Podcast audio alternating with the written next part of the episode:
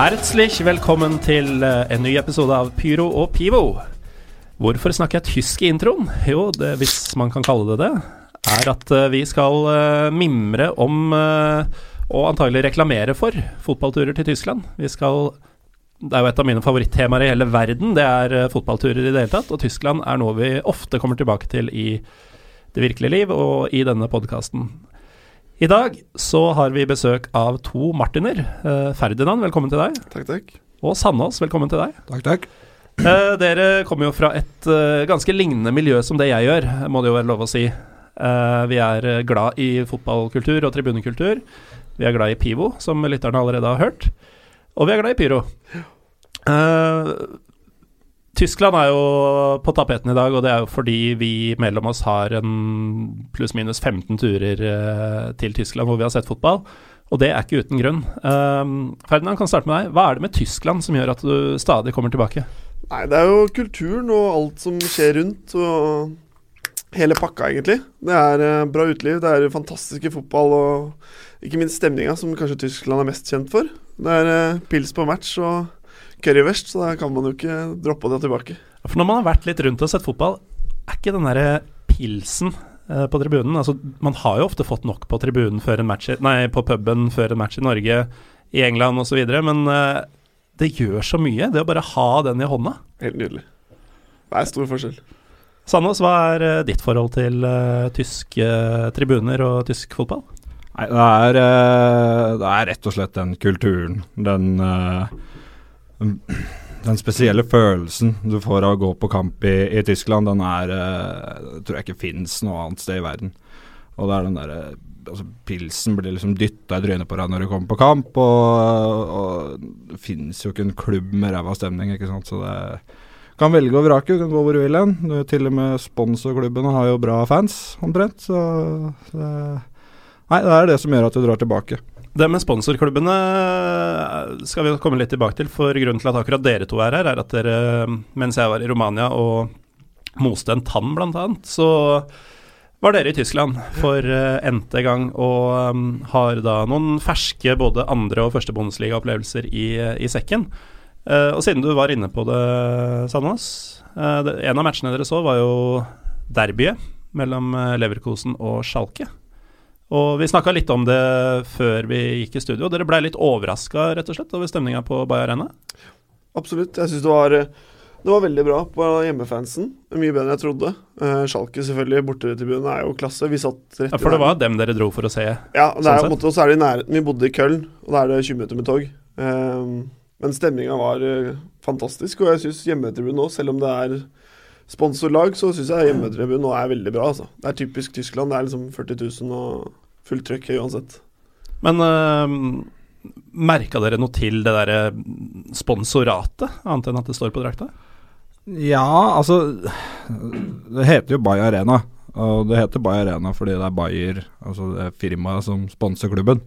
Uh, så, så du merker det, men det er ikke så stor forskjell fra, fra andre stadioner rundt omkring. Altså. Det er egentlig ganske likt. Graffiti, det står liksom nordkurve over svingen her, og ja, full kjør. Sånn som det ville vært hvor som helst ellers? Ja. Men eh, hørte dere noe til sånn Bayer-navn og sånt, annet enn fra spikeren? Nei, Ikke fra fansen, i hvert fall. Nei, for de synger bare Leverkosen, og, og det er det? Ja. Hymna dem så er uten noe form for Bayer, alt sammen. Jeg tror det er ganske bevisst fra deres del. Det er jo det er ikke populært å være et sponsorlag i Tyskland, så du vil jo måtte gjøre alt du kan for å virke tradisjonell. Da. Og det, jeg syns du klarte det bra, for at du kommer til togstasjonen, så er det graffiti, og det er det, maling overalt. da. Så det, de prøver så godt de kan, tror jeg. Ekte fotballkultur. På en Eh, måte. For det, greia er jo at eh, de folka som vokser opp i og rundt Leverkosen, er jo Uh, som folk som vokser opp i Gelsenkirchen eller Dortmund. Det er jo ikke deres feil at deres lokale lag har uh, den historikken de har. Så det er jo ingen grunn heller til å tenke på dem som, som plastikkfans, da, som kanskje er fort gjort å gjøre for uh, sånn purister som, uh, som oss tre i studio kanskje kan være innimellom. Yep. Liksom Jeg tror det er, det er veldig stor forskjell på de lagene à la samme som Wolfsburg, som er eid over lang tid av Volkswagen. Jeg tror det er veldig De blir bygd opp fra, på en litt annen type måte kontra RB Leipzig, som er veldig spesielt, som er kjøpt opp. Det er kun eid av av uh, Red Bull-folk, og de eneste medlemmene i klubben der er Red Bull-eiere fra før. Det er liksom litt annerledes enn når det er en klubb som er bygd opp under eh, over lang tid. da, Likevel, selv om det er Bayer som eier, og det er veldig kontroversielt, så tror jeg fortsatt det er litt annet enn RB Leipzig. da. Men apropos Wolfsburg, du har vel vært uh, der òg? Jepp. Jeg var også de mot Hamburg. Hvordan var feelinga der? Eh, det var egentlig veldig bra. Eh, det, var, eh, det er bra fans der òg, som han sa i stad. Selv om det er eh, sponsorlag, så er det veldig bra fans der, og de har harde fans. Eh, en på tur, turlaget måtte faktisk vise passet for å vise at han ikke var med i Hamburg og var dansk, så han slapp unna med en liten advarsel, bare. Så det, det er morsomt å, å se at det er, liksom, det er litt trøkk i de gutta der, og at ikke det bare er liksom plastikk. da Hamburg kjørte selvfølgelig på hardt. Det er nesten et derby. Det er ganske kort vei. Så det er ganske sånn Det var bra trøkk i den kampen der. Og det er jo, Nå spretter vi litt veggimellom her, men siden du nevner det. Derbys i Tyskland er jo en litt annen greie enn en mange kanskje er vant til. fordi er det to-tre timer med tog mellom to byer, så er det fort et derby. Et sånn regionsderby. Jeg var jo på Hanover mot Braunschweig i andre liga i fjor. Dritfett for øvrig. Men uh, drar du til Tyskland og ser en match mellom to lag fra nord i landet, da, som Wolfsburg og Hamburg er, så er det fort en, uh, sånn voldsom, et voldsomt rivaleri og en uh, historikk der som man kanskje ikke veit om hvis man ikke er ordentlig belest. Uh, så mye, mye skjulte skatter i Tyskland. Det er det vi har vel opplevd. Det er vel kanskje noe som jeg føler jeg, også en av grunnene til at vi drar til Tyskland, er Vi blir veldig ofte overraska på de oppgjørene som vi kanskje har lavest forventning til. da. Sånn som så nå så vi Biefeld mot uh, Dynamo Dresden, og det var Dresden vi selvfølgelig hadde høyest forventninger til. Men hjemmefansen her må jo bare sies å være klasse. Det var fantastisk bra. Ja, det er noe av det beste jeg har sett, faktisk. Seriøst? Ja, det Bielefeld-svingen der. Jeg vet ikke om det var noe med anledningen og det var dressen de møtte og sånn, men jeg ble helt blåst vekk når de, når de begynner å sette i gang. Altså. Det hadde jeg ikke forventa i det hele tatt. Bielefeld også ligger sånn i nærheten ish av Köln og ja, Düsseldorf osv. Vi tok jo uh, ja. I tysk nærhet? Tysk nærhet, ja. ja. Vi tok jo buss fra flyplassen i Düsseldorf uh, rett til Bielefeld når vi landa. Og det var vel ca ja, 1 time og 50 minutter å kjøre med, med buss, da. Det ofrer man glatt for en fotballmatch. Ja. Ble det overnatting i Bielefeld, eller? Nei, vi hadde base i Køln hele helga. Men der var det ikke match? Nei. Hvordan var Køln by? For den uh, sies jo å ha en dom, uh, fotball og kølsj. Ja, det det de har. Um, det holder, det? De holder det. Uh, utelivet er bra. Det også er jo litt av grunnen til at man kanskje drar til Tyskland. Nå har du også vært i Düsseldorf, så du vet også den bargata der er. Ja. Uh, den er tung. Men uh, Køln også hadde bra uteliv, og de fleste var, man er, kan være ute til langt på kveld hvis man ønsker det, eller man kan sette seg på en brun pub. Vi prøvde begge deler. og det de fleste store tyske byer har et godt utvalg av vannhull å dra på. Mm. Og sånn, eh, Mitt favorittlag i Tyskland er jo, som den årvåkne lytter vet, Union Berlin. Og Berlin er også en av favorittbyene mine, men der har du det problemet at det er så enormt i utstrekning. Uh, så selv om det er kjent som en bra clubbingby for de som er interessert i det, sånt, så du må liksom finne riktig sted i riktig område, og det kan, eh, kan koste litt uh, krefter og tid. Åssen uh, er Køln sånn sett, altså med tanke på avstander og sånn? Er det ett sentrumsområde, f.eks.? Er det ett utelivsområde osv.? Ja, vi måtte vel ta en liten taxitur, eh, mm. men det var vel en fire-fem euro unna. Altså, vi bodde jo ikke så langt unna Halpanoff, eller Hoimark det heter vel. Et sånt marked som, uh, som vi bodde ved. Eh, det var en liten taxitur unna, men det var ikke langt, altså. Det var, du kunne fint gått hvis vi ikke hadde hatt fem i promille og hadde orka det. og det får man jo i Tyskland. Man får det. Uh, men uh, dere var inne på dette med uh, lag som Wolfsburg, Leverkosen, disse gamle sponsorklubba. og forskjellen på dem og RB Leipzig, og nå er det jo egentlig ikke det det skal handle om, men jeg husker jeg leste i en norsk fanzine for en del år tilbake, uh, 2000 Use, jeg vet ikke om dere kjenner til den? Den kjenner vi godt. Det er godt kjent med den. Ja, da var det et intervju med The Chosen Few, tror jeg, som er en Hamburg-gruppe. Og da nevnte de spesifikt Dette er sånn tilbake i 2008 eller noe. Uh, de nevnte spesifikt uh, plastikklubber som Så tror jeg det var Wolfsburg og Hoffenheim da, som var de to store onde. Jeg føler at nå er det ingen som tenker på noen av de klubba som som noe skvip lenger, fordi Leipzig bare har tatt over alt hatet. Ja, det vil jeg si. Eh, Leipzig har fått alt fokus, og det er nok litt måten de går fram på også. De måtte de, de ser ingen De måtte blanke hva folk mener, og kjører på sitt uh, udugelige spill og måte å være på. De har holdt på nå i mange år og jobbet seg oppover på sin skitne måte, og det gjør at de vil få det meste hatet og kanskje tar over for også de andre. Men uh, mm. Og sånn blir det nok en god stund til framover, Til. Og så har man jo det faktum at klubber som Leverkosen og Wolfsburg da, uh, tydeligvis er i hvert fall på tribunen, noe mer ekte enn man har hatt lett for å tro tidligere. At uh, så fort det kom Man kunne si hva man ville om George W. Bush eller Obama, for den saks skyld, avhengig av hvor man står, men så kommer Trump, og da er det liksom Det de to gutta drev med, det var ingenting lenger, det. Det er litt sånn jeg føler Leipzig er i forhold til disse også. Ja, det er en veldig grei sammenligning, jeg føler. Altså, jeg fant på det nå. De fleste klubbene i Tyskland har vel egentlig forent seg i det hatet mot, mm. uh, mot RB, og det er jo for så vidt helt riktig. Altså, Wolfsburg og, og Leverkosen har jo bygd seg opp som store klubber. Uh, ikke bare fått masse penger, og så har det dundra løs, sånn som RB har gjort nå, med andreplass i første, første sesong. Så det er jo bare penga som har gjort det. Leverkosen har jo holdt på i mange, mange år og var jo i Champions League-finalen i 2002. Så det er jo klubber faktisk med historie. Og det RB Leipzig, de, de har ingenting. Ja, og selv før de Ja, det var vel til og med før den klubben fantes i det hele tatt, uh, så vant jo Wolfsburg serien med et lag som uansett hva man syns om den klubben, var umulig å mislike. Med Mishimovic bak uh, Grafitt og, og Djeko. Det var jo helt nydelig. Det, dere er kanskje for unge til å huske det, men uh, Så unge er vi ikke, men det er kanskje ikke da vi følte mest metisk fotball. Men jeg er fortsatt enig i det, og jeg tror måten ja, RB eller Rebel har jobba seg oppover også i andre Uh, ligaer er liksom Det blir skittent spill, og det blir en stygg måte å jobbe seg oppover for. Du kjøper opp en klubb, og så bare driver du den med og kaster masse penger og jobber oppover. Uh, det funker ikke, og spesielt ikke i sånt land som Tyskland, hvor tradisjon og det å jobbe seg oppover er veldig viktig. da og når de også sneik seg unna den 51-regelen eh, og medlemskapsreglene, så klart, da blir du ikke noe særlig populær, da. Det var umulig å stoppe det, på en måte. Ja, fordi de hadde gode advokater for å si det sånn. Og så er det jo sånn, eh, Du sier at det ikke funker i Tyskland, men uh, når man vet hva strategien bak er, nemlig å få folk til å snakke om og bruke ordet Red Bull i forskjellige sammenhenger, så har det virkelig funka. For det er jo det eneste man snakker om i Tyskland nå.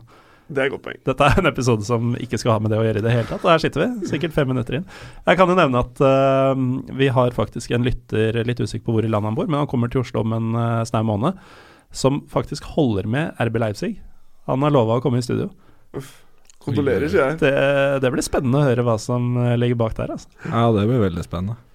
Det skal jo sies at måten de driver selve klubben på, er jo ikke Altså, de driver jo nøkternt. Altså, selve klubben drives jo nøkternt. Altså, det det. De avler jo uh, talenter og, og, gode spillere, men ja, det blir bare uspiselig. Altså, når hele greia Du vet at de driver nøkternt og bra fordi at de vil at folk skal snakke om Red Bull som en bra greie. Mm. Det er derfor de driver sånn.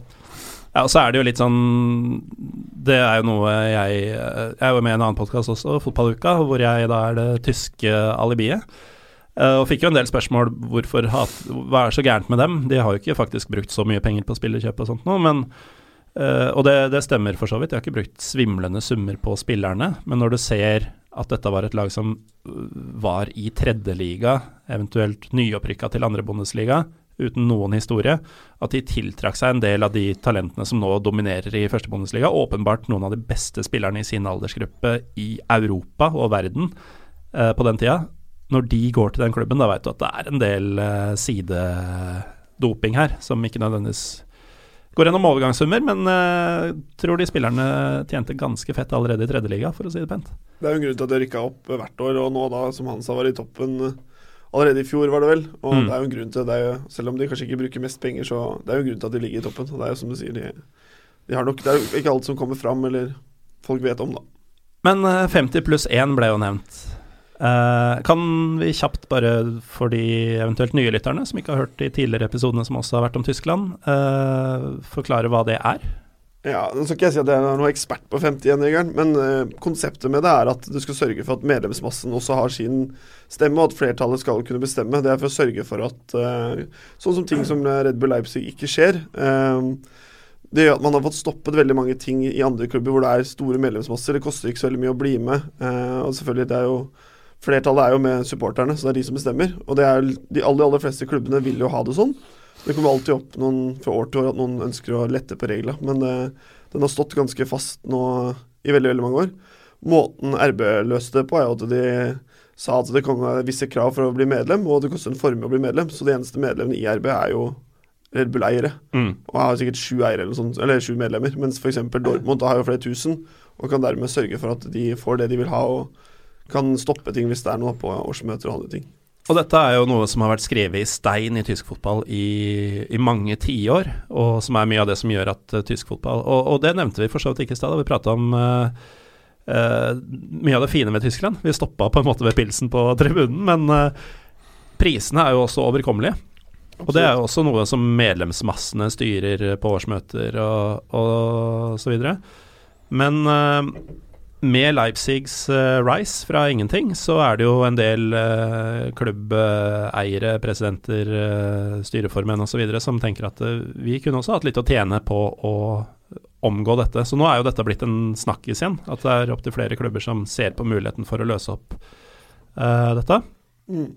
Hanover, som jeg så i fjor, er jo virkelig har henda bindet på ryggen. For der sitter jo Martin Kint og sier at uh, så lenge jeg ikke får vilja mi, så bruker ikke jeg penger på dette laget.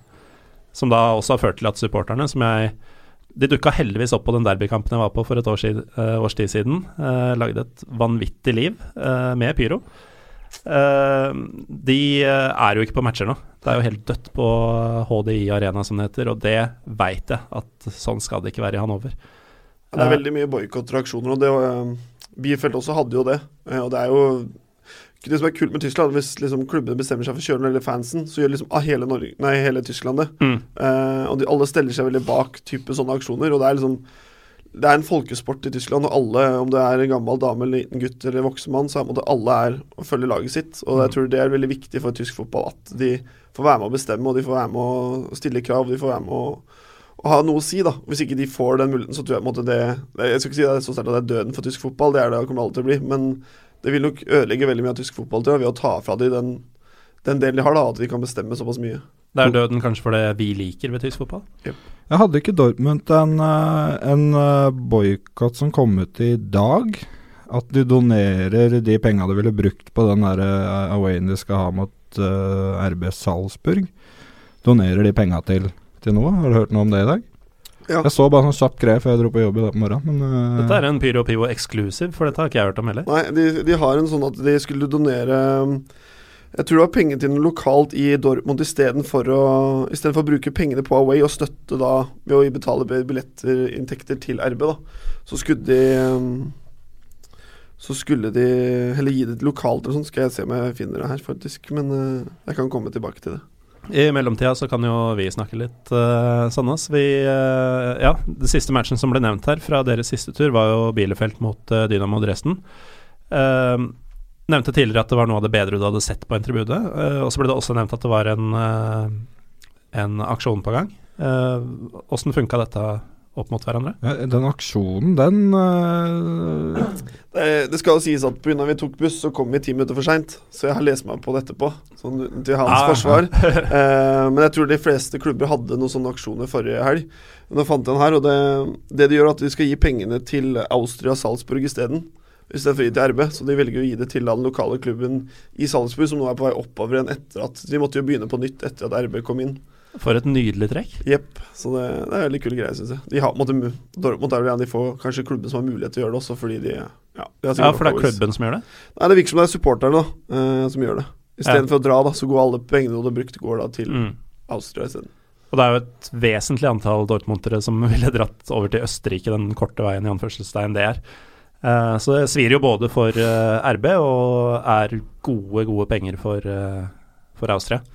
Salzburg må jo være Nå er vi utafor Tyskland, da, så vidt. Men uh, det må være den fotballbyen i verden omtrent som har blitt, blitt, blitt, mest fucka av den moderne fotballen. Ja, det tror jeg. Og først uh, så ble det kasino, og så var de tilbake til å være en vanlig klubb igjen. Og så uh, Red Bull, som jo er verre enn noe vi noensinne har sett før. Ja.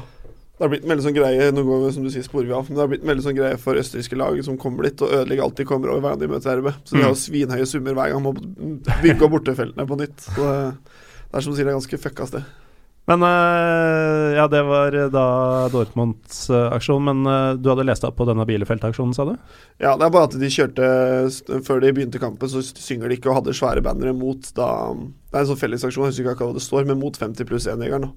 Eh, For 50 pluss 1. Ja, for 50 pluss 1. Eh, så Akal hva med det de gjorde, det men tif, dagens TIFO mot eh, dressen var da at de brukte det mot den, da. Ja. for.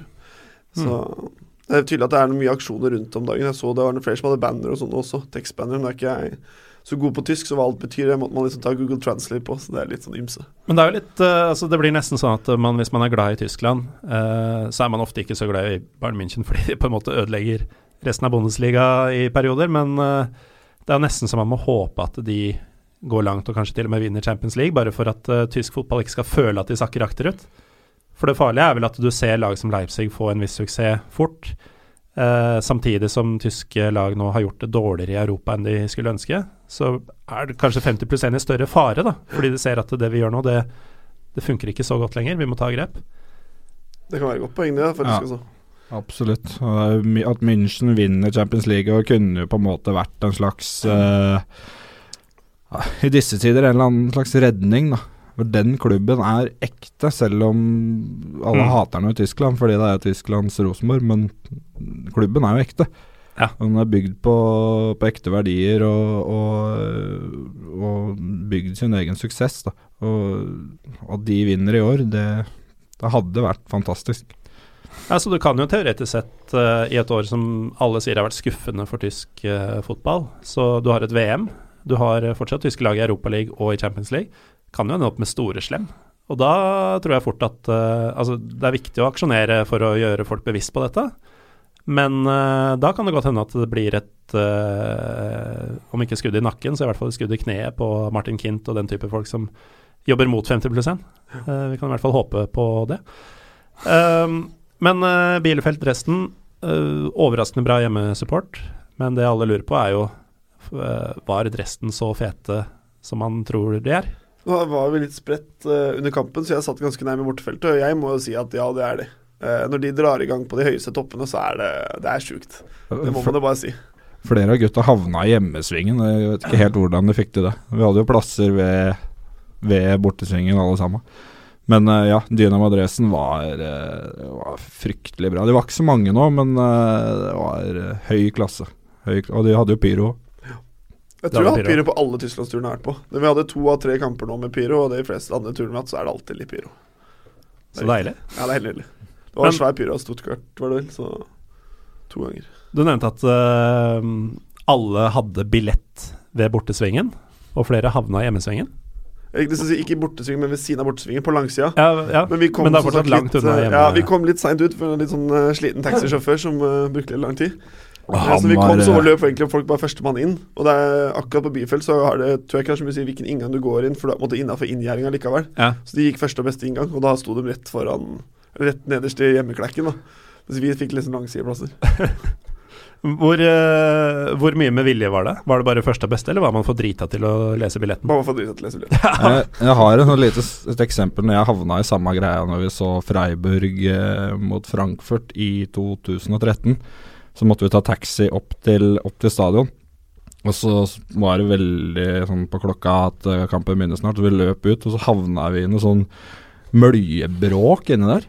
Så plutselig så ble jeg bare slusa rett inn i bortesvingen. Så sto jeg og to andre midt i bortesvingen eh, til Frankfurt og måtte stå og synge Frankfurt-sanger og eh, Det er ikke verdens verste sted å være, da. Nei, men altså det er ikke så hyggelig heller, da, for du kan jo ikke alle sangene. ikke sant? Nei. Så det blir jo Jeg er litt redd for å bli sett stygt på og sånn, men uh, den var sikkert 6000, da, så det var ikke, så, var ikke noe problem. Men uh, litt sånn det, det kan skje. Hvor mange var svartkledd uh, fullstendig av dem? Det var vel alle, det. Ja, så det er ikke så mange steder å gjemme seg bort, da. Nei. Men uh, hadde jeg i det minste ikke kjøpt Freiburg-skjerf på vei inn? Nei. Nei det, det hjalp nok. Det verste er at bare faktisk solgt Frankfurt-skjerf i Freiburg før kampen. Mm. Det var veldig spesielt. Og vi, vi, det var jo selvfølgelig Det er mye stuk på sånn tur når man er mange som surrer rundt. Og vi møtte jo noen andre også vi kom jo forbi en park, og der kom jo selvfølgelig alle de verste turene gjennom, så vi var ikke litt, eh, litt hjerteklapp. Men det er bare en del av spenninga. Det er bare moro. det.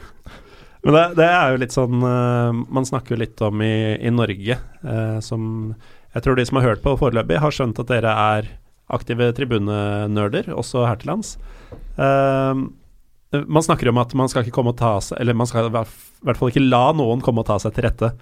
Og det å se for seg at uh, noen står og selger borteskjerf i byen i uh, Det være seg Molde eller uh, Bergen eller Lillestrøm, for den saks skyld.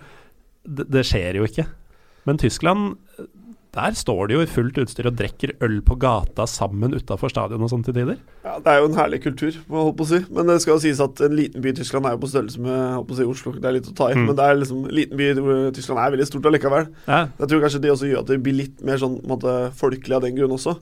Eh, men ja, det er helt klart at det er, man drikker øl sammen. Og det er nok mest den harde fansen som på en måte absolutt ikke tolererer hverandre. Men det er klart, med det politioppbudet som er på kamper i Tyskland, så det får ikke skjedd så mye, egentlig. Nei, og så må man huske på litt størrelsesordrene. For Freiburg er jo en ganske liten klubb. Mm. Og de fleste er jo ikke klar over størrelsen til og Frankfurt. Altså Det er jo en gigantklubb av dimensjoner. Og at uh, de får ta seg litt mer til rette i Freiburg enn uh, det andre gjør. Det, Hvem skal stoppe dem, liksom? Ja, det, det, du får ikke stoppa dem. Uh, men det bringer oss jo for så vidt over til neste match som dere så nå. Stuttgart-Frankfurt. Det ble nevnt pyro. Ja. fire fyra to ganger. Først uh, røyketifo med banner, veldig pent. Og så en svær uh, hva skal vi kalle det, blusstifo, eller uh, blussing etterpå. Nedover hele kortsida. Veldig pent, altså. Herlig. Frankfurt dessverre litt uh, fraværende fram til det var ca. 20 minutter igjen av kampen. De ble stoppa av politiet og måtte visiteres og ble holdt igjen ganske lenge, så de kom Kom når det var 20 minutter igjen, dessverre, men man merka tydelig forskjell når den harde kjernen kommer og drar i gang sangen i forhold til det var de gjorde i løpet av kampen. Hvor mange var dem ca.? cirka? Si. Nei, mellom 8000 og 10 000. Noe rundt der, var det ikke det? Og det er sånn, Man uh, løfter ikke øyebryna engang, fordi dette er helt vanlig i Tyskland. Og da spesielt klubber som Frankfurt. da Det er som cupfinale hver gang, liksom. Ja, ja hver jævla uke. Det er jo uh, helt fantastisk. Og Frankfurt er jo litt som uh, Dresden, som jeg også Vi snakka ikke om antallet der, men jeg antar at det var noen tusen av dem i bilfelt også? Ja, de var vel en 3000-4000, kanskje, noe rundt der. Og det var jo De har vært mange flere der før, så vi ble sånn halvskuffa over antallet. Da. Men, mm. uh, men det var jo noen dårlige dager 3000, så det sier jo litt. Jeg tror også, de var, jeg tror også det var avsperra bortefelt. Det har jo vært bråk der før, så jeg tror, det er, også, tror jeg det er litt sånn Noen lag har jo mer grums rundt seg enn andre. À la da Dresden, Hansa Rostock og de, og der tror nok mm. ofte Gutta fra øst. Uh, østgutta da komprimeres bortefeltene litt mer, tror jeg. Litt mer restriksjoner. Litt for å unngå ting også. Men det er klart, det er jo Det er ikke så det er god plass på det bortefeltet likevel. Det er det ikke. Var det noen av dere som fikk med dere, apropos øst, uh, tidligere i sesongen så var det cupmatch mellom Magdeburg i tredjeliga og Borussia Dortmund. Ja. Og det Magdeburg er jo en klubb man absolutt bør dra og se. Det de er klassefans, faktisk. Jeg har ikke vært og sett det sjøl, men jeg har sett mye YouTubing, og det er dritbra fans, tror jeg. Det ser helt enormt ut. Og de er nå på full fart opp mot uh, andre Bundesliga, endelig. Uh, så hvis uh, Dynamo, Union og Aue alle holder seg, så begynner det å bli ganske pen andreliga sånn sett òg. Altså. Det blir mye sånn østlige derbys. Eller ja østrivalerier, i hvert fall. Uh, Hansa Rostock også er vel med i playoff-kampen mer eller mindre i tredjeliga. Så det kan bli noen, noen bataljer neste sesong i andre liga. Det lukter jo egentlig en ny tur. Vi har egentlig sagt at vi skal danse neste år, men det lukter jo fort ny Tysklandstur uansett. Det er vanskelig å holde seg unna før når du først har vært der og fått oppleve det. Så er det liksom det frister med en gang begynne å snakke om det. Det er det. Det trekker hele tida. Ja, vi gjorde jo en del nå for å få sett dressen, så ligger litt i kortet at vi kommer til å bruke litt uh, krefter og energi på å se Magdeburg uh, neste gang. Mm. Og det er jo ikke noe i veien for å For det virker jo da, nå har dere vært der en del ganger, det virker som basen er sånn vest-nord, nordvest uh, stort sett hver gang? Ja, det er det. Det er veldig mange klubber som ligger i området. her Det er korte mm. veier, og det er lett å fly dit. Du flyr enten til Düsseldorf eller til Frankfurt, og så er det en togtur eller en taxitur omtrent til veldig veldig mange bra klubber. Mm. Uh, og det gjør at man ofte lander der, men det er klart kan Apropos det, vi må jo nevne for de som ikke kjenner til det opplegget, men uh, har du en matchbillett, så er togtur ganske greit i den delen av Tyskland i hvert fall. Yep. Det er veldig lett å komme seg til Altså Tyskland generelt, og om du vil litt lenger, så er det veldig lett. Men som du sier, har du matchbillett, så får du spesialbilletter på tog og alt sammen. Mm. Jeg har også opplevd at uh, kampbilletten, eller i det hele tatt å vise at du skal på eller har vært på kamp, fungerer som togbillett. Jeg husker uh, tidligere pyrogjest og en fyr som dere også har møtt noen ganger, uh, Arild Myklebust. Han kjøpte seg et skjerf i Bochum som bare var sånn helt plain hvitt og blått. Jeg tror ikke det var en logo på det engang. Tok toget tilbake til Düsseldorf hvor vi hadde base i sin tid, og det var ikke noe snakk om å betale noe billett da. Han hadde vært på match. Det var fri bane. Det er, det er, det er liksom Det kjennetegner Tyskland litt, føler jeg. Det er alltid mm. fordeler ved å dra på kamper der. Uansett liksom hvordan du vender og vrir på det, så får du alltid en fordel i en eller annen form. Da. Og det, det tror jeg også gjør at de liksom trekker folk Det er veldig lett å komme seg på kamp. Det er ikke noen grunn til å bli hjemme. Nei. Og nå begynner man jo å se litt konturene. Uh, til og med noen av de større lagene i England sliter jo faktisk nå litt med å få folk på match. Uh, denne moderne fotballen som har vært og fortsatt kommer til å være en enorm pengemaskin for de involverte. Men den begynner faktisk å se noen uh, fartsdumper, i det minste. Samtidig som i Tyskland så er det så mye som legges til rette for at folk både skal dra på match og kose seg på match. Og at, ja, som noen var inne på i stad, familier kan dra. Det, jo, det, skjer jo ikke lenger i Premier League, f.eks. Uh, men det er, det er, noe helt spesielt med den tyske greia, fordi nå har vi snakka om både enormt politioppbud, eh, svartkledde folk som eh, fyrer og ikke kan fordra hverandre, men også folk som står og drikker sammen i mot, motsatte farger utafor eh, stadion. Jeg tror det er akkurat den kompleksiteten at skal du til Tyskland, så er det nesten sånn uavhengig av hva du vil ha, så kan du få det. Altså, det kjennes Altså, Tyskland har jo De største klubbene har jo helt flunka nye stadioner fra 2006-VM. Eh, men allikevel så kjennes det fryktelig lite glatt ut når du er der. Altså Det kjennes ut som du er eh, Jeg vet ikke, nesten hjemme hos noen. Altså, det, er liksom det er ikke så mye på Åråsen, men det er, det er, liksom den der følelsen at da faen, her er, det, her er det kultur. Her er det folk som bryr seg om det som skjer, da. Ikke er opptatt av selfier med, med spillerne og ja, nei, det er folk er der for å se klubben sin spille fotball, og det er, det er vakkert, da. Du, altså, følelsen får du når du sitter der. Så er det gjerne sånn at det er lokal øldistributør på det stadionet, det er lokal pølsedistributør. Uh, alt er liksom Det er ikke bare laget, men det er hele greia rundt. Det er oss. Liksom stedet, byen, klubben som en enhet. Da. Uh, det er ikke noen sånn franchise-variant, bortsett fra i Leipzig. Men uh, dere var da på Stuttgart-Frankfurt. Det var fyring fra Stuttgart og litt skuffende fra Frankfurt, rett og slett. Uh, Riktignok ikke bare deres skyld, men Mercedes-Benz Arena, der har jeg ikke vært. Åssen føltes den? For den er jo enorm. Ja, den var, den var nydelig. Det var så bratt på tribunen. Altså, når, du, når, du, ser stadionet, liksom, Den ser ikke så bratt ut, men den, den er kjempebratt. Og det er en, et av de deiligste stadionene jeg har sett uh, fotball på. Altså. Det er såpass, ja? Ja, det var helt nydelig. Vi sto, eller satt jo igjen i nærområdet av bortefansen, som var veldig bra. men jeg må også si hjemmefansen er klasse òg. Stadion utvendig er litt er ikke så fin. Det må jeg si. Jeg syns ikke det er fin utvendig, men det er som man sier, du føler litt samme som når du, Dortmund, når du står på toppen. Så føles det du kan ta ett skritt og liksom hoppe ned til matta. Ja, det er Google Earth-perspektivet? Ja, det er helt klasse der. Så det, nok en gang ble vi positivt overraska over eh, både stadionstemning og alt. Ja, for Stuttgart var Det De var helt ville. Mm. Det, var noe, det er noe av det bedre jeg har sett, for å si det sånn. Hvor populær var Mario Gomez? Ja. Hva skal man si? Ja. La vi merke til Han ble jo bua, ble han ikke det? Jo, han ble, det, ble han bua? Ja, hva skal man si? Det man merker at den er, men det er sånn Når Vi sitter her med høy promille og koser oss og prøver å få med oss alt som skjer, for det er jo liksom veldig mye som skjer, da. Så det er liksom vanskelig å legge merke til alle små. Kanskje, jeg tror ikke det var kanskje hvordan spillerne ble oppfatta. Vi tenkte mest på vi satt liksom og glor. Vi sitter liksom og glor på hjemmefans og bortefans og alt som skjer. Så det, En sånn liten greie som vi la godt merke til, var jo hvordan spillerne responderte når ultrasen til Frankfurt endelig kom, da. Og det mm. blei kok i svingen der. Da begynte Frankfurt virkelig virkelig å kjøre over Stuttgart på banen. Altså. Det du la godt merke til det. Det var veldig fascinerende.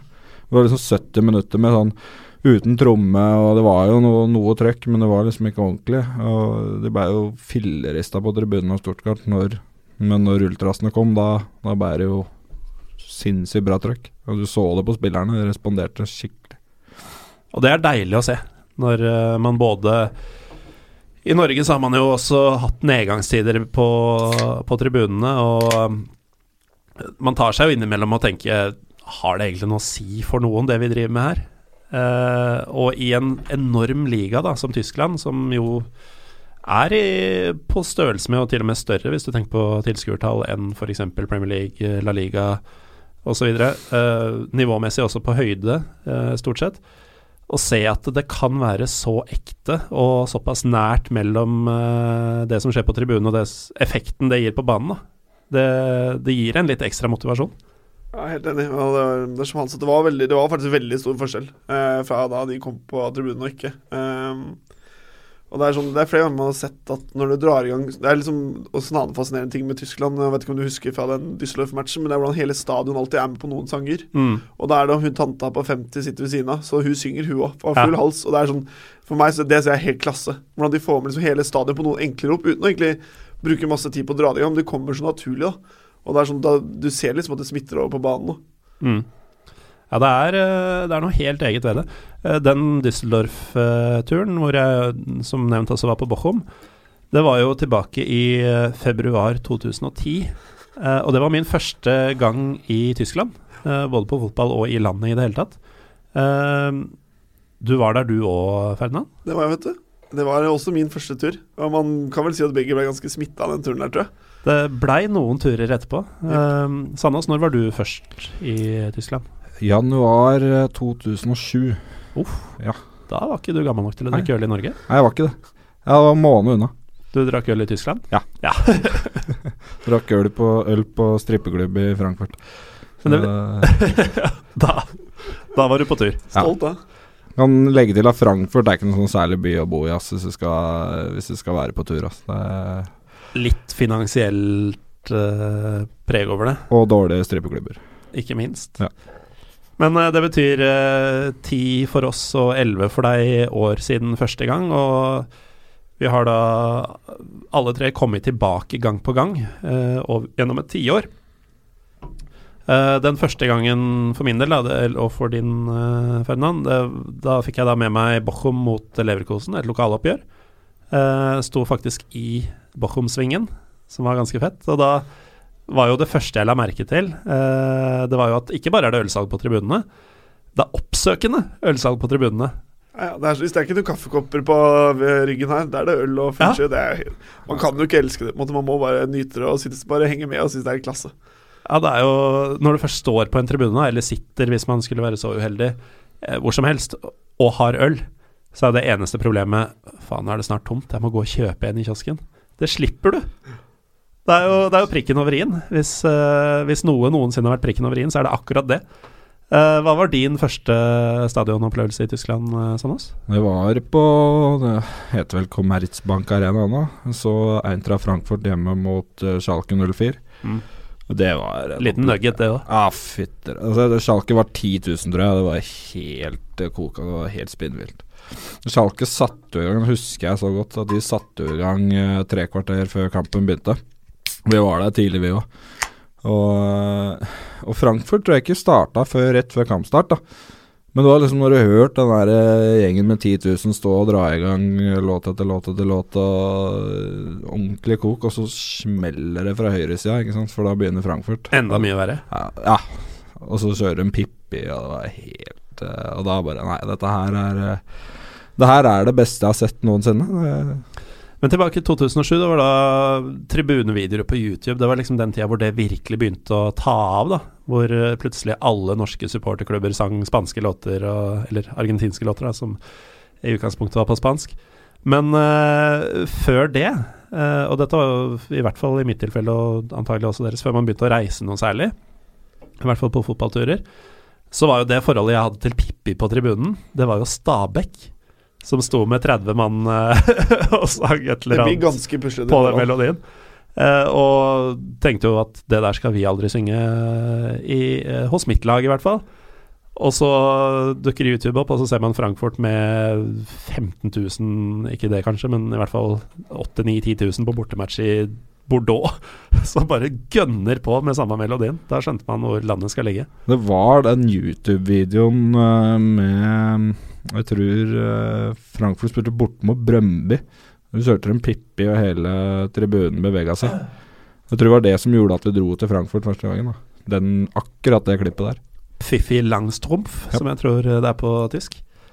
Men eh, ti pluss år med tysklandsfarting, hva er høydepunktene deres? Eh, det har jeg ikke forberedt dere på å snakke om, så jeg Jeg har tenkt noen tanker rundt det. Regna med at den kom. Eh, jeg var jo på en kamp før deg, så jeg var jo på Oberhausen Hansa Rostock. Og jeg må si at med Pyro og Fulcher så var det en veldig stor opplevelse. Når vi kom på togstasjonen og det sto Det føltes som det sto en million politi der for å passe på det, og det gjorde meg i vegga. Det var en veldig spesiell opplevelse. Men jeg tror den Düsseldorf-matchen dagen etterpå, hvor det kom stolrader og det var eh, trøkk fra hele tribunen, det var veldig i og med at Det blir liksom en av de første man får. Jeg tror det er en av de større opplevelsene. Men det er så mange blitt. Så det er, liksom, det er like gøy hver gang, og det er alltid noe nytt. Det er liksom, ja, det er alltid noe å glede seg over. Det er det. Jeg hadde jo min første på et par år, eh, var jo denne Hanover-Braunschweig-matchen i fjor. Og da hadde jeg sett mye piss de siste åra i forveien. Det var liksom en match i Georgia med 300 tilskuere, og en match i Bratislava med færre enn det, osv. Så, videre. så jeg, jeg hadde nesten glemt åssen det var å se en ordentlig match med et visst nivå på banen, og fet stadion fullt med to klekker som kjører på mot hverandre. Pyro der òg, for øvrig. Uh, og, og apropos det, det um, snakka vi litt om før vi gikk i studio. Men uh, måten de maskerer seg på når de skal kjøre et show uh, i Tyskland det, De leker ikke der. Absolutt ikke. Det er um, Det er ganske fullt kjør. For det første så er det jo håper å si OH eller flagg over huet, og så er det noen av de tar på seg egne drakter, og det er hansker, det er balaklavaer, det er noen skor. Og det er veldig mange av dem som bytter plagg etterpå for å liksom endre seg, og så drar de på en måte flagget over igjen etterpå, og så skifter, da. Eh, Så det er ganske sånn drøyt hvor ille det er, hvor mye de går gjennom for å måte få fyra. Eh, Nå har det jo vært mange typer aksjoner eh, i Tyskland for å få det legalisert. Jeg tror ikke det kommer til å skje der med det første, men eh, represaliene er ganske ille, tydeligvis, for å fyre. Men det- skjer jo hele tiden allikevel. Ja, for jeg la merke til akkurat det samme. Vi hadde billetter i hjemmesvingen uh, i eh, Hanover, og vi merka jo uh, i pausen Da begynte de å forberede seg på en uh, sånn andre omgangsinnmarsj-pyro. og vi så jo med en gang hva som var i ferd med å skje, og det var akkurat det du sier. Svær OH over hele gjengen. Eh, plutselig så var ingen av de vi hadde stått For vi var på nedre del, og hovedgjengen var liksom fra første rad på øvre del, da, uh, og oppover. Og de hadde vi jo stått og sett mer på enn selve matchen. Uh, så fort den O-en kom ned igjen, så var alle kledd i finlandshetter og nytt tøy. Og spredte seg rundt på tribunen også, for å få ja, For å ikke få det komprimerte greia som man ofte ser i Norge, da. Fordi i hvert fall de ulovlige fyringene, som uh, noen av dere kanskje har et tett forhold til, så, så blir det fort sånn at man er en sånn likesinna flokk som gjør det sammen, og så er det liksom sjansen større for å slippe unna med det. Uh, men der tar de jo det ekstra grepet, sikrer seg sånn sett, og så kan de spre seg for at det skal bli uh, mer sånn massiv ut Hva skal vi si eh, bredde av det. Og da var det akkurat det samme. Så fort det var ferdig, så var det, kom den opp igjen, og så var det plutselig tilbake til Å, der var de gutta som hadde vært borte en stund, ja. Så hvis man gjør eh, litt arbeid da, som, eh, som politi og sånn med videoen de har til rådighet, så ser de jo faktisk hvem var her før, og hvem er borte nå, og hvem er tilbake igjen. De kan jo finne ut av det, men det er klart det er jo mye vanskeligere, og de gidder jo ikke. Det er jo ikke en stor Ferbrechen sånn i det lange løp. Nei, jeg tror det er, også, det er, det er nok bare det Grunnen til at de gjør det, er for å gjøre jobben så vanskelig som du sier, at så de gidder ikke. Mm. Eh, de vet også at det blir et helvete. på en måte De går ikke inn og plukker ut noen heller. Det har jeg aldri sett noen gjøre i Tyskland. Tror jeg. Det tror jeg ikke de kommer til å gjøre med det første heller. Eh, og Det er nok som du sier, det er bare for å gjøre jobben vanskelig nok, så de ikke gidder, og da går det fint.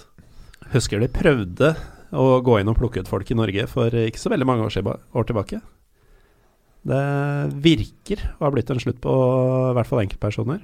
Ja, jeg har inntrykk, i hvert fall med de lager vi holder med, at de ikke gjør det lenger. Jeg tror de har skjønt at eh, hva skal man si, konsekvensen av hvor mye styr det blir av å gjøre det, istedenfor eventuelt å gjøre det i en senere anledning, er Det er ikke vits, da. Det blir Nei. helvete, og det, det er bedre å ta det enn hvis man så dødelig skal gjøre det, så får- tar man det ved en senere anledning, og så blir det mye mindre styr rundt det, da. Og da personen mye fortsatt tatt, på en måte. Ja, For det skaper jo I hvert fall når du snakker 10 000-15 000 bortesupportere med promille. å gå inn og plukke folk da, så skaper du situasjoner som er potensielt livsfarlige. da. Ja, og når blusset først brenner, så, så er det allerede gjort. Du får ikke gjort noe med det. Det beste du kan gjøre, er å bare ta et skritt tilbake. Prøve kanskje å finne ut hvem er dette, hva kan vi gjøre i ettertid. Men nå er det der. Nå, nå har vi tapt. Vi klarte ikke å stoppe det ved inngangen.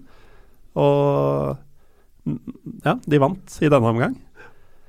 Uh, er det noe mer dere brenner inne med om Tyskland, før vi glir over på noe vi gleder oss til i helga?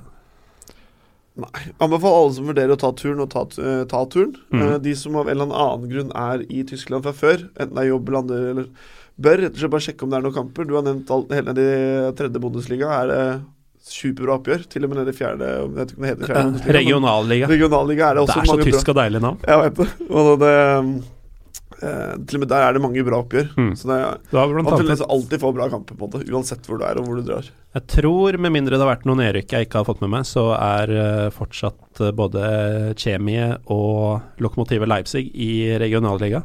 Ja, Du har da de ekte Leipzig-klubba som har derbys eh, to ganger i året. Og det er bra oppgjør òg. Er sånn, mange folk er rundt i Tyskland på forskjellige grunner, og det er nesten alltid et kult lag å se og en bra Mm. kamp, så jeg måte bare å sjekke litt. Jeg husker jo en av de kampene som jeg ble mest overraska over. eh, eh, det var jo forrige turen vår. Da så vi det Rhin-derby mellom eh, Mainz og Darmstadt. Jeg har så lyst til å dra til Mainz. Ja, Den stadion må du bare dra på. Det er så bratt. Ja, den er helt sjuk. Men eh, jeg hadde ikke noen forhåpning. Altså, jeg hadde ikke lest meg noe særlig opp på det, og det var en kamp som var i nærheten, og det passa bra med, med tida og sånne ting. Mm. Å, fy faen, så bra Darmstadt var. Altså, det var helt Det var liksom en sånn gjeng med 100 mann i front der, som var helt pasienter, altså. Og det var så jævla trøkk.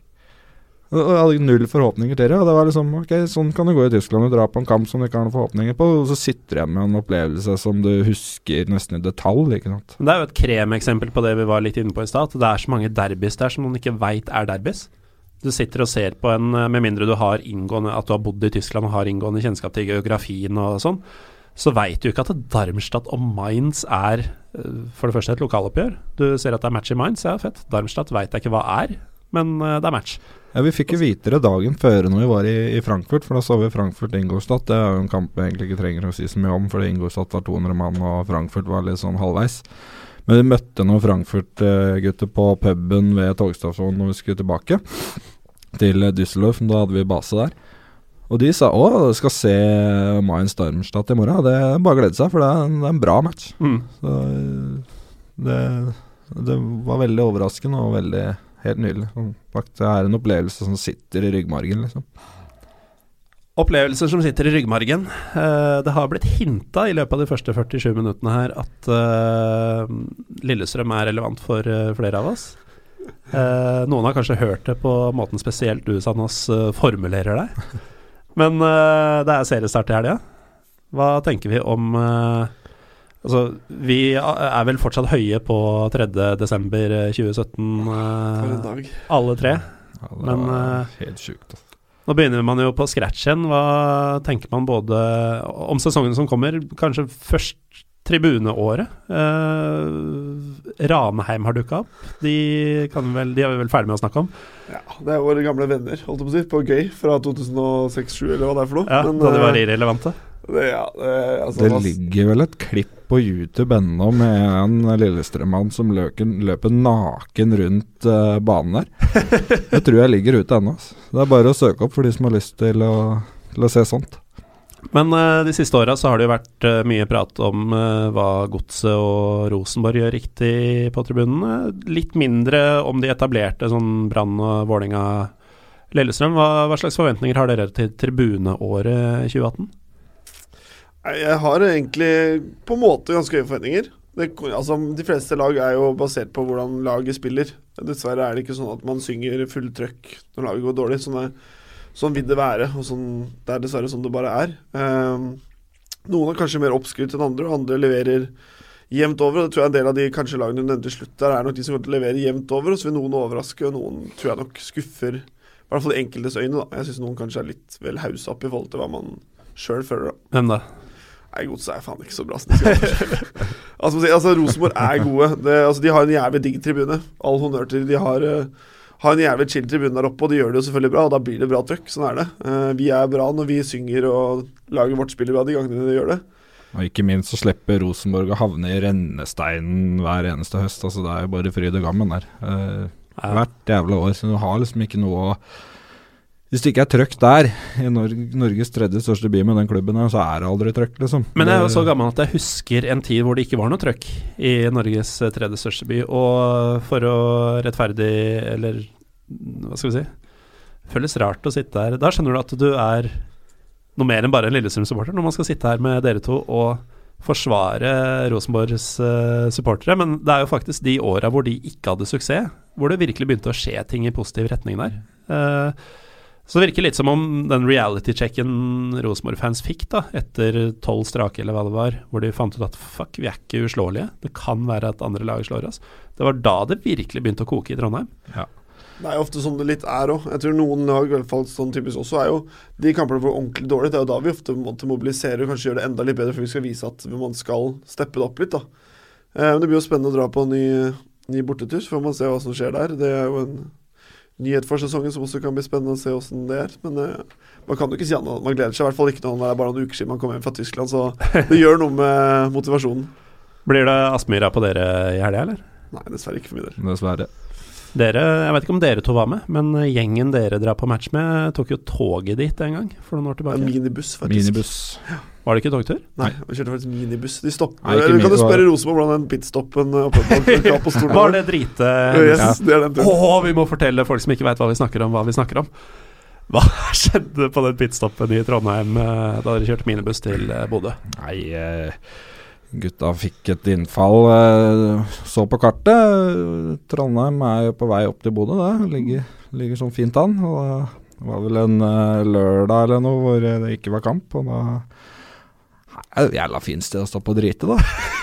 på Kapostolen til, eh, til Rosenborg. Og da var jo Det var da de var på andre sida fra de her nå, mm. med den dårlige tribunen, holdt jeg på å si. Og det var en ganske enkel tilgang. Jeg, jeg var ikke med på turen, men jeg fikk noen fine detaljer. Så det skulle ha skjedd i Snapchat-æraen? Det skulle absolutt ha skjedd i Snapchat-æraen, ja. Så man kan jo oppfordre lyttere fra forskjellige klubber egentlig til å prøve seg på lignende stunt og legge det ut på sosiale medier. Fordi det er jo noe av det bedre jeg har hørt av uh, utdriting. Det, er, det, var nydelig, i hvert fall når man tidligere fikk lagd banner i Bodø hvor det sto um, 'shit happens'. Og da, klart, da skjønner man jo hva som har skjedd. Ja, med adresse Ultras Nidaros, var det ikke? Det var det. Ja. Det er pent, altså. Uh, men ja, du får tenker at uh, Godsunionen er uh, noe oppskrytt. hvem kommer til å levere, tenker du? Jeg skal ikke si, ja, Oppskrytt er kanskje å ta i litt, men jeg syns de leverer ikke så bra hver gang som de skal ha det til. Det er klart De som oss, vi er heller ikke best lenger. Det er ingen vits å si det. Mm. Hvis jeg skal si noe som jeg tror kommer til å overraske eller imponere, Tja, hvem kan det være, egentlig? Jeg, har ikke, jeg har ikke sett Vålerenga på en tidligere tid, jeg aner jo ikke hvordan de er. Det er klart, de har vel ikke, Nå har ikke de møtt oss heller på et si, ordentlig derby. Så det blir jo spennende å se hvordan de er på den tribunen. Eh, jeg tror vi kommer til å gjøre det bra der. Jeg tror det er en jævlig digg tribune for vår del. Ja, Det ser bra ut. Det er veldig typisk hva skal man si, tysk bortetribune, sånn mm. egentlig. Så jeg gleder meg helt sjukt, men uh, Et bratt bur i hjørnet. Jepp. Får ikke blitt bedre. Det er Kjenner det koker litt når jeg bare ser og tenker på den tribunen her. Altså. Det, mm. det, det blir moro. Uh, hva tenker du, uh, Sandnes? Hvem, uh, hvem, får for mye skryt, og hvem bør vi se opp for? Jeg, jeg slenger meg nok med på det at godset er litt oppskrytt, men jeg, jeg er likevel litt sånn halvimponert da, altså, over hva de har levert på Marienlyst, og hva slags kultur de har, de har skapt der de siste årene. altså det er jo noe spesifikt drammensk over det, føler jeg. Ja. Og det er kult. Det de, de har veldig sin egen stil. De har måtte kanskje ikke fulgt så mye den ultrastilen eller sydstilen som vi mange av sånne kjører. Det skal de ha litt for, at de kjører litt sin stil. Det er fortsatt litt sånn semibritisk og litt sånn egen. Uh, men det er klart, de, gjør det, de er best når de vinner. Det er de fleste andre òg. Ja. Men, også en annen klubb som jeg blei faktisk fryktelig imponert over i fjor, var jo Kristiansund. Hugland?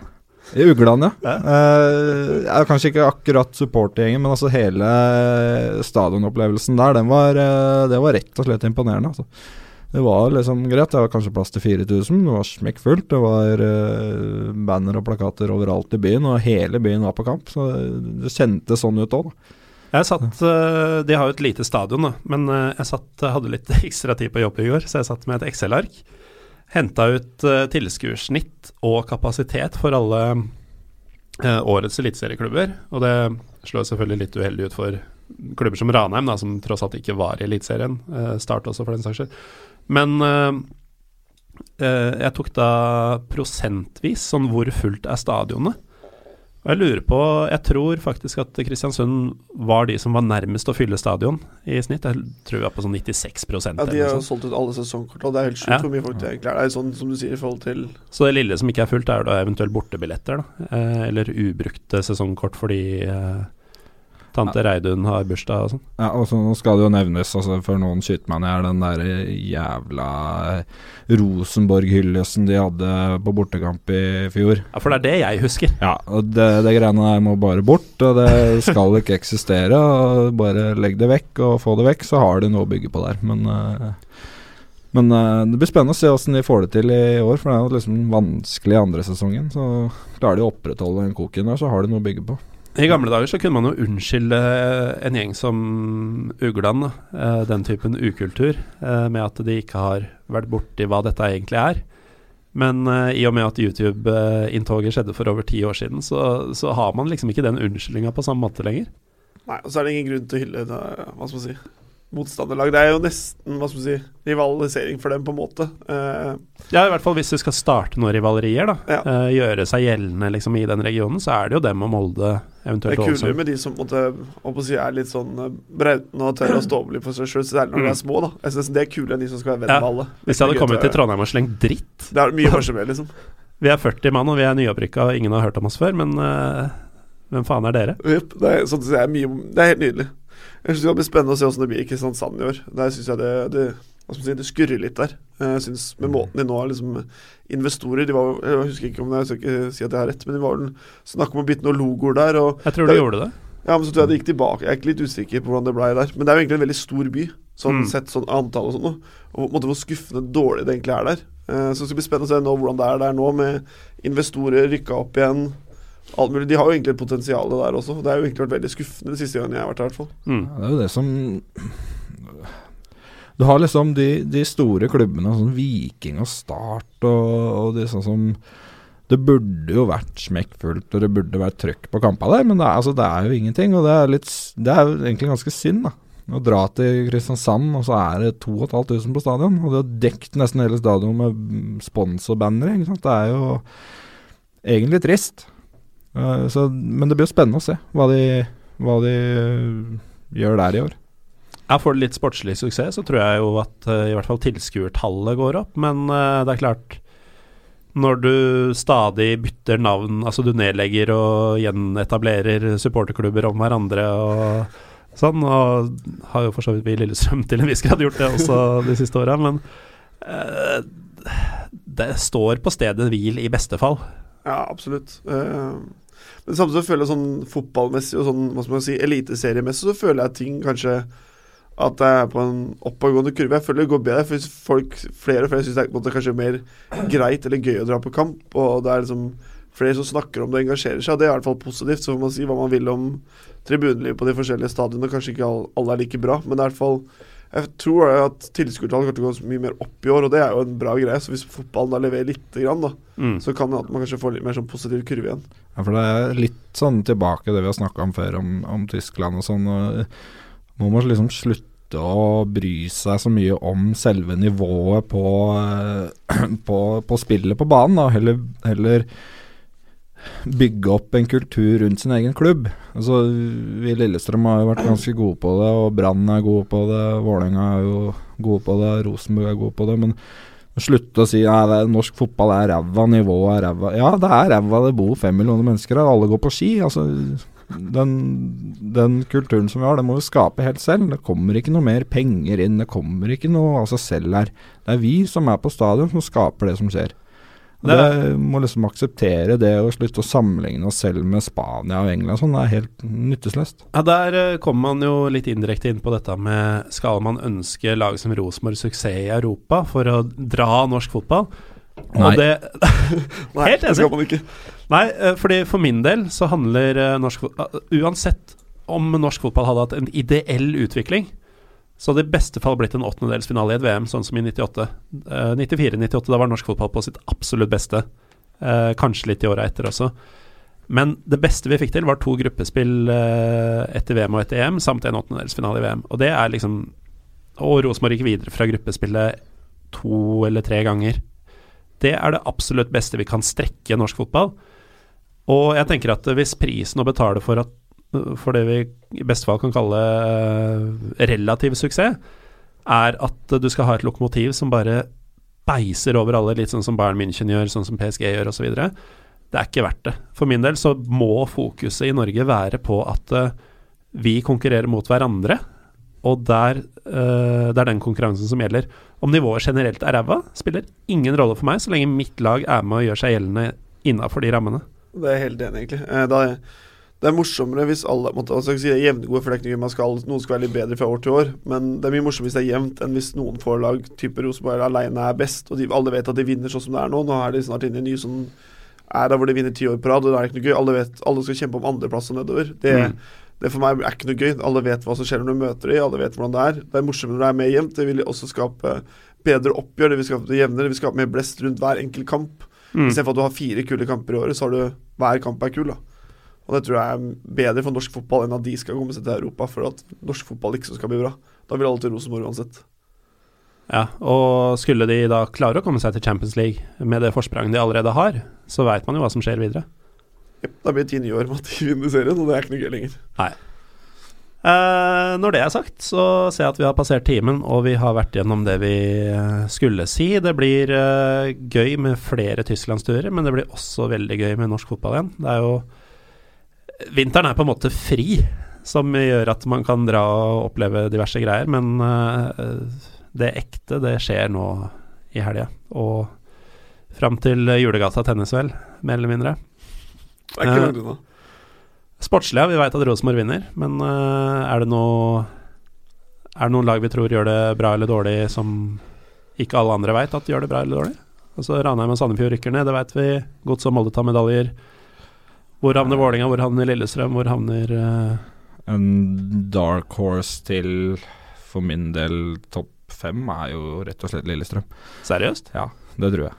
Jeg tror nå har Arne Erlandsen fått bygge lag sånn som han vil over så lang tid, og vi kommer til å bli vonde å møte nå, så jeg er ganske sikker på. Pluss at vi har et cupgull i ræva som uh... Det hadde vi i 08 også. Sånn Ja, men da Tom Nordli var trener, og det var, da, var det, da var det mye rart.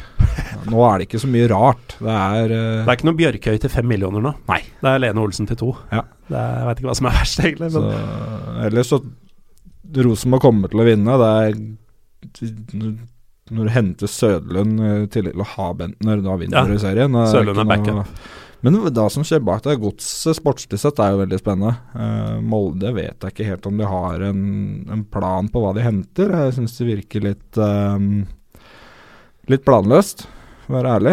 Uh, og Brann kommer sikkert til å gjøre det samme som de har gjort de par de siste årene.